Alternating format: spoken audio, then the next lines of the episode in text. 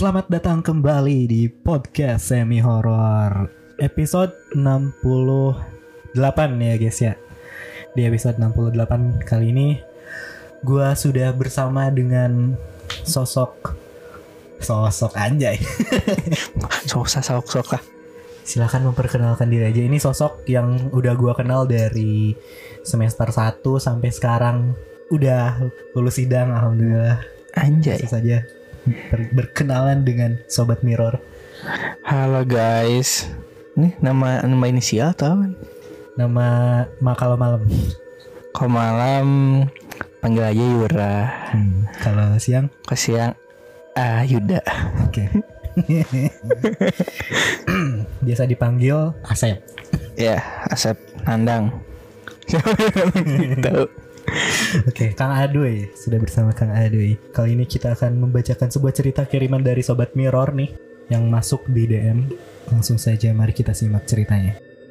Halo, selamat pagi, siang, sore atau malam kakak-kakak. Perkenalkan nama aku Miftah. Umur aku sekarang 18 tahun. Di sini aku ingin bercerita tentang pengalaman horor pribadi aku waktu kecil hingga sampai saat ini. Awal mulanya, aku mendapat gangguan itu pada saat aku berumur 5 tahun.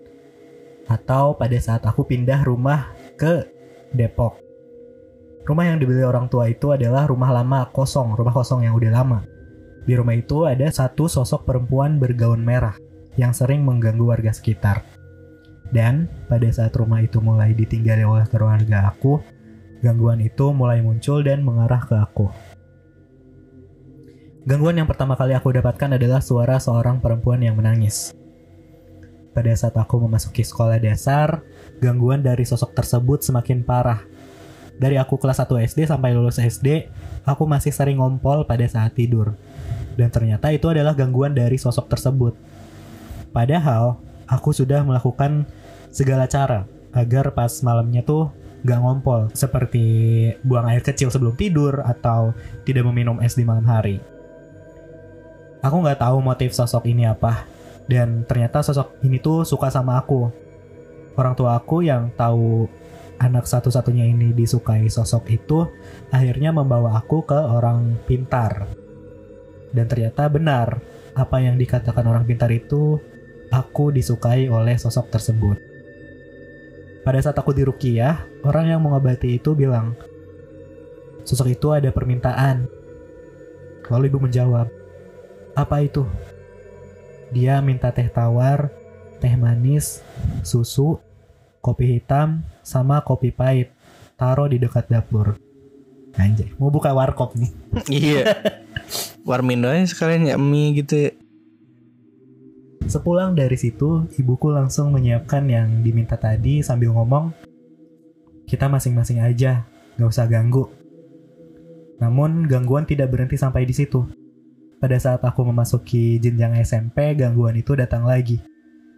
Sosok itu mendatangi mimpi aku sambil berkata,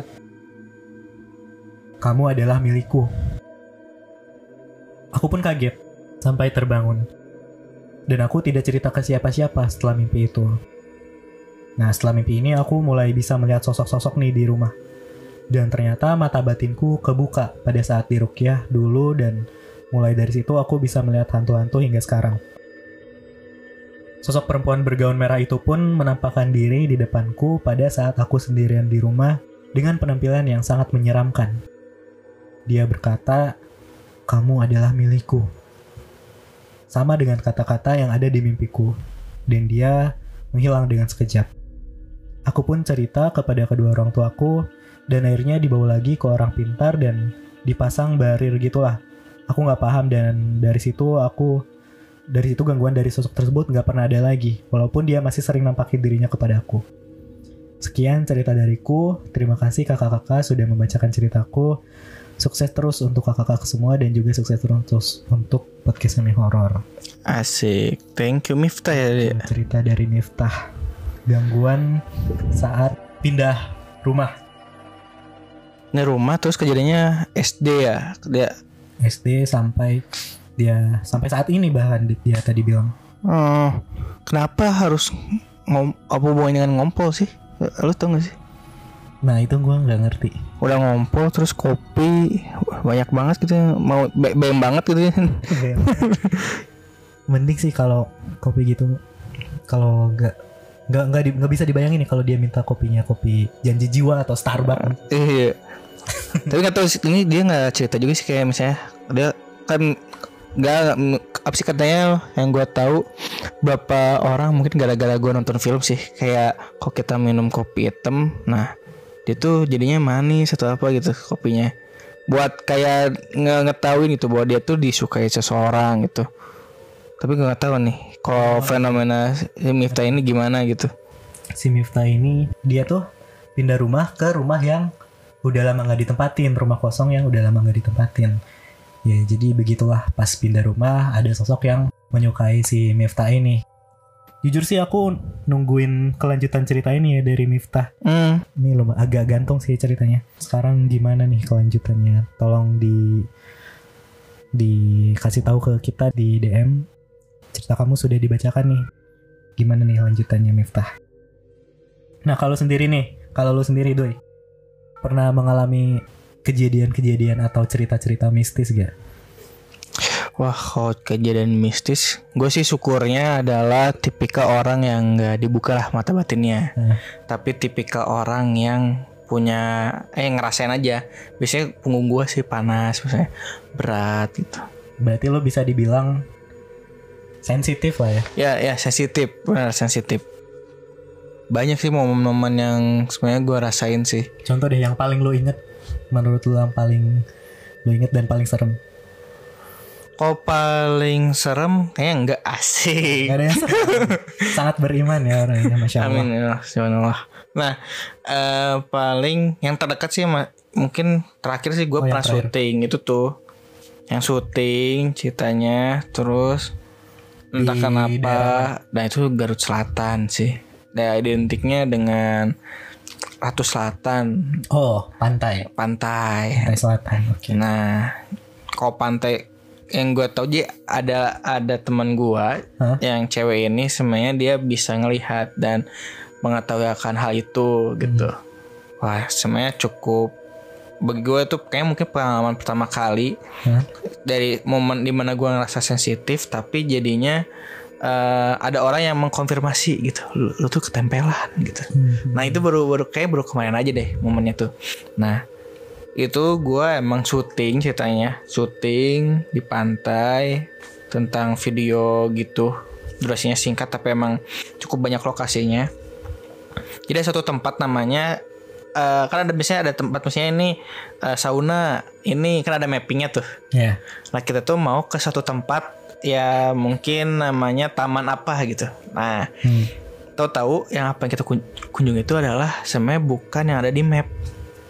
Maksudnya lokasi terlarang atau gimana? Nah, aku nggak tahu sih itu terlarang atau enggak. Tapi itu tuh emang eh mungkin aku aku juga baru pertama kali ke pantai situ. Ini mana ini pantai tapi ada dataran yang hijau banget gitu subur gitu. Nah, itu emang ada kayak sapi-sapi gitu mengembala gitu. Nah, tapi ternyata hingga akhir mau pulang kayak nanya ke masyarakat gitu atau apa ada orang yang bilang bahwa ternyata selama ini yang kita syuting itu tempat bukan tempat destinasi wisata gitu. Hmm. bukan yang ada di mapping itu gitu. Dan gua gua kayak cukup oh oh gitu ya nggak kaget sih. Kayak oh gitu ya ya udah gitu. Tapi emang momen itu tuh emang gua as kayak suka aja sama pantai gitu. Atau ya di, di pantai selatan tuh gua ngerasa kayak gua tuh pengen main air aja main main air aja. Iya, iya. itu yang gue rasain. Deket sama air. Terus emang momennya kok gua sih kejadian horornya adalah eh tuh tidur hari kedua deh kayaknya. Setelah gua datang di hari pertama hari kedua gue tidur gua ngerasa ada yang nangis. Ngedenger. Eh ngedengar di gitu. Lagi tidur kayak hmm, lo tidur di sebuah penginapan atau di penginap penginapan dekat pantai. Deket banget pantai. ya kurang lebih kalau jalan sih dekat gitu. Ya. nggak terlalu jauh. Nah ya. Kondisi rumahnya kayak rumah panggung lah. Jatuhnya kayak gitu. Nggak nggak berlantai beralaskan kayu lah gitu Hmm. berpondasinya. Terus kan biasanya kalau yang rumah awi kayak gitu kan mungkin lebih kedengar ya kalau ngobrol-ngobrol kayak gitu kan. Ya. mungkin gue lebih jadi bisa dengar ada yang nangis siapa yang nangis. Nah di situ tuh momen di mana pagi-pagi bangun gue kayak spontan aja gitu. Uhuy. Uhuy. nah gue tuh bilang eh kalian ada yang denger gak sih ada yang nangis? Semuanya tuh kayak teman-teman gue tuh parno semua tuh di situ tuh kayak kaget-kaget. Ada satu orang ekspresinya beda gitu. Nah yang parno tapi ini ekspresinya parno tapi kayak orang yang tahu gitu. Hmm. lah kok lu tahu? Kayak gitu kesan ngasih informasi ke gue tuh kayak bentar-bentar doi kok lu kayak kok lu tahu padahal lu nggak ngeliat gitu. Ya, nah ya, ya. tahu-tahu perjalanan syuting-syuting perjalanan pulang pulang dari pantai selatan itu kan ke Bandung lagi. Nah kita tuh kan nyingga dulu kan istirahat. Nah itu malam kondisinya. Tahu-tahu gue dipanggil sama teman gue Duh sini sini dulu Duh Ya. kenapa? Kan kan gue orangnya suka bercanda ya maksudnya Eh, tahu-tahu kayak serius gitu makanya. Sini dulu sini dulu. kenapa? Nggak mau atau apaan sih? Gitu. Nggak bener serius serius. Sini sini. Terus ke belakang mobil yang lain tuh lagi kayak masan makanan atau apalah gitu. Nah gue ngobrol deep banget tuh. Duh lu tuh ketempelan. Hah? Hmm. apa maksudnya? Gue nggak ngerti ya. Pura-pura untuk tetap, tetap positive thinking lah ya. Dikasih tahu lu ketempelan itu lo gak ngerasa apa pun. enggak sih Semang eh enggak sih. Eh bentar. Kayak oh iya ngerasa semuanya tapi gue ngerasa "Ah, mungkin capek kan habis syuting gitu. Tapi Apa yang lu rasain? ya berat aja punggung gue gitu. Pundak gue tuh berat kayak gue nggak lagi mikul tas gitu aja sih. Nah eh diomongin kayak gitu lu wudhu deh gitu. Kayaknya harus gue harus ke WC ya gue gitu jadi, jadi ditakutkan ya gue temenin deh gitu temenin. Wudhu aja Nah itu tuh temen gue nggak nyeritain aja pokoknya. Selama perjalanan dia nggak nyeritain Aka ditempelin apa dan gimana gitu. Tapi itu ya, promosi mobil penumpangnya jadi berbeda lah. Yang parnoan pindah ke mobil satu lagi Yang satu lagi yang bisa lihat itu sama cowoknya tuh di mobil sama gue lah. Ya. Nah di situ gue emang ngerasa jadinya ngerasa makin berat. Mungkin karena stigma gue juga deh. Kayaknya sugesti. sugesti gitu. Gue berusaha melawan lah gitu. Lah tetap santai. Tapi jadinya di kebayang-bayang kan jadinya gitu. Hmm. nah terus em, di perjalanan ya gue zikir aja lah. Doa-doa gitu. Nah terus momen di mana udah udah masuk ke Bandung tuh udah mulai lepas gitu. Nggak ngerasa lebih ringan. Terus bilang apa ya teman gue Duh gimana? Gue lebih ringan sih mungkin gue su gue tuh selalu percaya bahwa, bahwa emang makhluk itu juga kan semuanya punya Tuhan juga yang sama yang gue percaya gitu. Jadi eh, ketika gue yakin dengan apa ya dengan Tuhan gue ya Tuhan gue juga pasti ngebantu gue gitu. Nah hal, gue itu gue sampai itu itu juga ke teman gue gitu. Hingga momennya udah pada nyampe bubar bubar bubar. Nah gue tuh nyinggah singgah dulu teman gue ini yang bisa lihat Hmm. eh cerita deh situ gue tanya lu lu tuh ketempelan duy sama dua sosok cewek semua. Lama, ah sekalinya sekali ada yang demen sama gue ah, meluk halus nah eh, Masalah asrama di real life. Asrama. nah, asmara ah, Asrama. ini asmara ya Masalah asmara di real life agak complicated. Giliran di dunia lain banyak yang menyukai ya. iya wah. di idola Nah, ada dua katanya. Yang satu tuh udah nempel, yang satu lagi duduk di belakang. Bentar, yang satu nempel posisinya gimana nih? Nggak tahu dibilang posisinya gimana. Oh, Tapi nempel tuh nempel tuh di gua gitu, nempel gitu. Ya. Satu lagi di belakang, duduk gitu. Hmm. Ya gua mah kan di mikir candain aja. Ngapain duduk di belakang gitu kan. Kayak eh, apa sih kenapa dua-duanya yang nempel gitu. Maksudnya gua di situ tuh ada cowok tuh banyak, kenapa harus gua gitu. Ya, Itu sih yang gua karisma lu tuh beda. Tapi untuk dunia lain.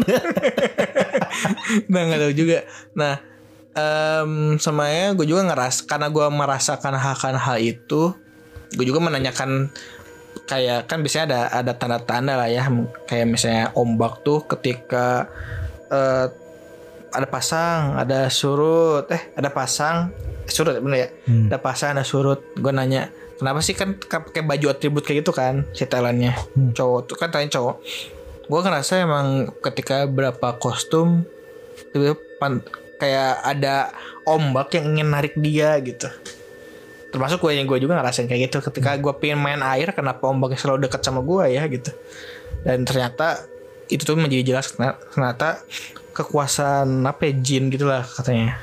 Yang paling banyak tuh di pantai semuanya. Hmm. dan dominasinya adalah wanita. Hingga makanya eh, kalau cowok ditarik untuk jadi di sana. Untuk para wanita itu. Kalau cewek ditarik misalnya biasanya buat menggantikan eh kedudukannya Singgah sana, anjay. Ah gitu. Kalau di film sih kayak film yang penarik kan gitu ya. Kalau di filmnya, jadi em, yang cowoknya jadi pasangannya, kalau yang ceweknya menggantikan posisi si makhluk itulah gitu. Yes. Di situ lu nggak nanya tuh eh, sosoknya kayak gimana? Nah gue nggak nanya sih. Intinya sih cewek lah. Gu- kenapa gue nggak berpikiran nggak nanya? Nggak demen juga sih gue. Siapa cantik kan? nggak kan gue aduh alhamdulillah nggak juga sih gitu malah ngeri juga gue bawa pulang ke Bandung gue mau nafkain nafkain apa Wah, nggak kebayang sih kalau lu bergabung bersama di istana tersebut. ah gimana ceritanya gue ke sana bingung juga lu bisa dapat pengalaman yang luar biasa. Iya sini gue tau gue juga ngerasa berat juga nih di sini kenapa kenapa ya Wah, agak takut juga ya. mungkin kepang takutnya kepanggil juga nih gue ngomong-ngomong takutnya sompral tuh ya Bismillah ya nah sharing lah ya jauh lah, jauh, jauh. Jauh, jauh. Jauh. Tolong lah. di Garut gitu sih dan Iya kayaknya sejak selama gue ke pantai baru kemarin deh gue kayak gitu deh momen nah em ini pengalaman yang baru juga sih secara mistis sih Hmm, dan sebelum-sebelumnya yang lu alami tuh yang biasa-biasa aja kayak gimana? nah sebelumnya gue tuh kan gue dulu SMA ada orga- organisasi nih SMA nih Hmm, apa tuh? OSIS. OSIS. Oke, kalau cerita horor mengenai kayak PMR, OSIS yang sekiranya menetap di sekolah tuh kayaknya pasti banyak deh kejadiannya gitu.